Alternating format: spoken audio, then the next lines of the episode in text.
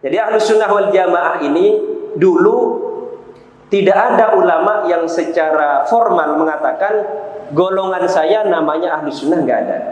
Karena semua mengatakan ya ini ajarannya kanjeng Nabi. Baru pada masa-masa di akhir pemerintahannya Sayyidina Utsman radhiyallahu anhu sudah mulai muncul perpecahan di kalangan umat Islam sampai terjadi pembunuhan terhadap Sayyidina Utsman. Kemudian setelah wafatnya Sayyidina Utsman diganti oleh Sayyidina Ali radhiyallahu an. Nah, pada waktu itu beberapa sahabat tidak mau berbaiat kepada Sayyidina Ali kecuali setelah kasus pembunuhan Sayyidina Utsman terungkap sejelas-jelasnya. Jadi mau mengakui Sayyidina sebagai khalifah kalau pembunuhnya Sayyidina Utsman bisa dibawa ke pengadilan. Nah, enggak begitu. Nah, tapi ternyata Sayyidina Ali ketika jadi pemimpin mengatakan ini tetap akan diproses tapi tidak sekarang. Ini kondisi negara sedang tidak stabil. Sehingga nanti kalau sudah mulai kondusif nanti akan diproses.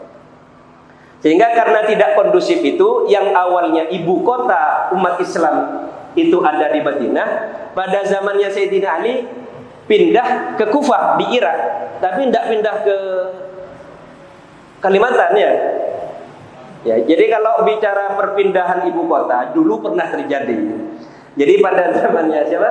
Sayyidina Ali yang awalnya ibu kota negara Islam itu di Madinah, kemudian dipindah ke Kufah. Karena menurut beliau situasi politik sedang tidak tidak kondusif. Beliau menjalankan pemerintahan dari Kufah sampai kemudian uh, ada sedikit ya, ada sedikit uh, ketidaksepahaman antara Sayyidina Ali dengan Sayyidina Muawiyah. Uh, akhirnya terjadi apa yang disebut dengan peristiwa Siffin ya. Nah, pada saat itu Sayyidina Ali dengan Sayyidina Muawiyah mengadakan perjanjian damai dan itu dianggap oleh sebagian pendukungnya Sayyidina Ali sebagai kesalahan. Sayyidina Ali mestinya tidak mentoleransi kelompok oposisi ya, gitu kalau bahasanya orang sekarang. Tidak mentoleransi kelompok oposisi, oposisi meskipun mereka mengajak menyelesaikan persoalan dengan damai berdasarkan Al-Qur'an. Tapi menurut ijtihadnya Sayyidina Ali, siapa pun yang mengajak untuk menyelesaikan persoalan umat berdasarkan Al-Qur'an, ya kita harus ikuti. Sehingga kelompok ini tidak puas dengan prinsipnya Sayyidina Ali sampai keluar dari barisannya Sayyidina Ali sehingga kelompok ini nanti dikenal dengan kelompok Khawarij. Baru kemudian ada pengelompokan mulai zaman ini. Ini ceritanya. Kenapa kok ada istilah ahlu sunnah ini dan itu? Nah ini ceritanya pertama begitu. Jadi kelompok yang keluar dari barisannya Sayyidina Ali ini disebut Khawarij karena Khawarij itu maknanya keluar keluar dari barisannya Sayyidina Ali. Nah, sedangkan kelompok yang masih menjadi pengikut setianya Sayyidina Ali dalam masalah pemerintahan ini disebut dengan Syiahnya Sayyidina Ali. Nah, ini ceritanya begitu. Lah kemudian pada perkembangannya Khawarij ini bukan hanya keluar dalam masalah kebijakan pemerintahan, tapi juga membuat pemikiran-pemikiran sendiri, keyakinan-keyakinan sendiri rumusan-rumusan pemahaman sendiri. Demikian juga Syiah. Jadi Syiah ini karena banyak problem yang dianggap oleh mereka merugikan Sayyidina Ali, mereka terlalu fanatik pada Sayyidina Ali sehingga kemudian muncul pemikiran-pemikiran, keyakinan-keyakinan yang tidak sesuai dengan ajaran Kanjeng Nabi. Nah, kemudian pada masa berikutnya pada masanya tabi'in itu ada ulama terkenal namanya Imam Hasan Basri beliau yang menjadi sanatnya uh, silsilah semua ilmu para ulama sampai zaman sekarang mulai dari yang NU yang bukan NU dan yang lain semuanya itu mesti nanti ketemu dengan ulama yang bernama Imam Hasan Al Basri. Nah Imam Al Hasan Al Basri ini ketika mengajarkan ilmunya di hadapan santri-santrinya, pada saat itu ada seorang santri yang bernama Atok. Eh, Wasil bin Ato ya. Ada santri namanya Wasil bin Ato tidak cocok ke gurunya ini. Jadi merasa apa yang disampaikan gurunya itu tidak benar menurut pikirannya. Padahal penjelasannya dari Imam Hasan Al Basri sudah sesuai dengan ajaran para pendahulunya dari kalangan sahabat.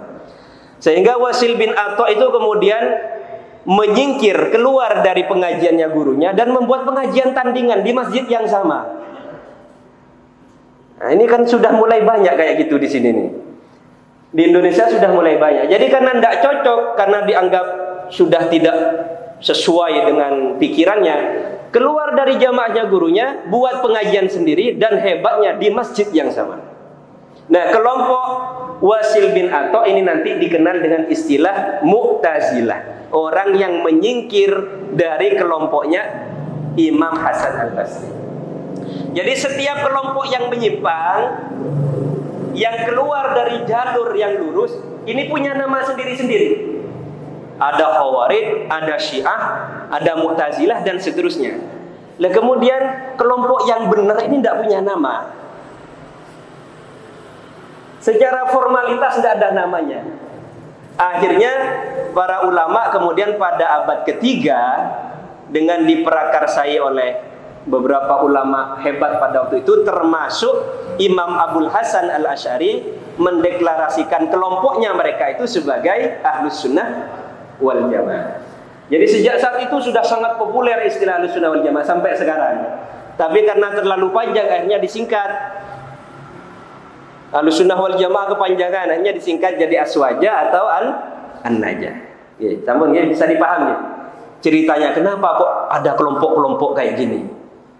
Padahal ajarannya kan satu dari kanjeng Nabi. Ya betul. Sumbernya satu, sungai itu mengalir nanti nyampe di mana ada yang pecah pecahannya sungai ini, pecahannya ke kiri dan seterusnya. Nah, seperti itu juga gambaran yang bisa kita pahami terkait ajaran Islam. Dan semua kelompok ini nanti mengklaim sama-sama benar. Uh, untuk membuktikan benar dan tidaknya adalah perlu kita membandingkan dengan ajaran-ajaran yang diajarkan oleh para ulama mulai generasi sahabat, tabi'in, tabi' tabi'in dan generasi seterusnya. Nah ini kalau berbicara tentang ahlus sunnah wal jamaah Nanti kita bisa memahaminya dari perbandingan. Misalnya para hadirin semuanya. Saya tidak mau menjelaskan ahlus sunnah gini gini gini Nanti rumit juga untuk memahaminya. Mungkin sistematikanya seperti yang dijelaskan oleh ulama-ulama yang fokus membahas tentang aliran-aliran Nanti yang ditekankan itu adalah pembahasan per tema Umpamanya ada pembahasan tentang statusnya orang Islam yang melakukan dosa besar. Itu nanti menurut kelompok ahlu sunnah wal jamaah bagaimana, menurut kelompok yang lain bagaimana.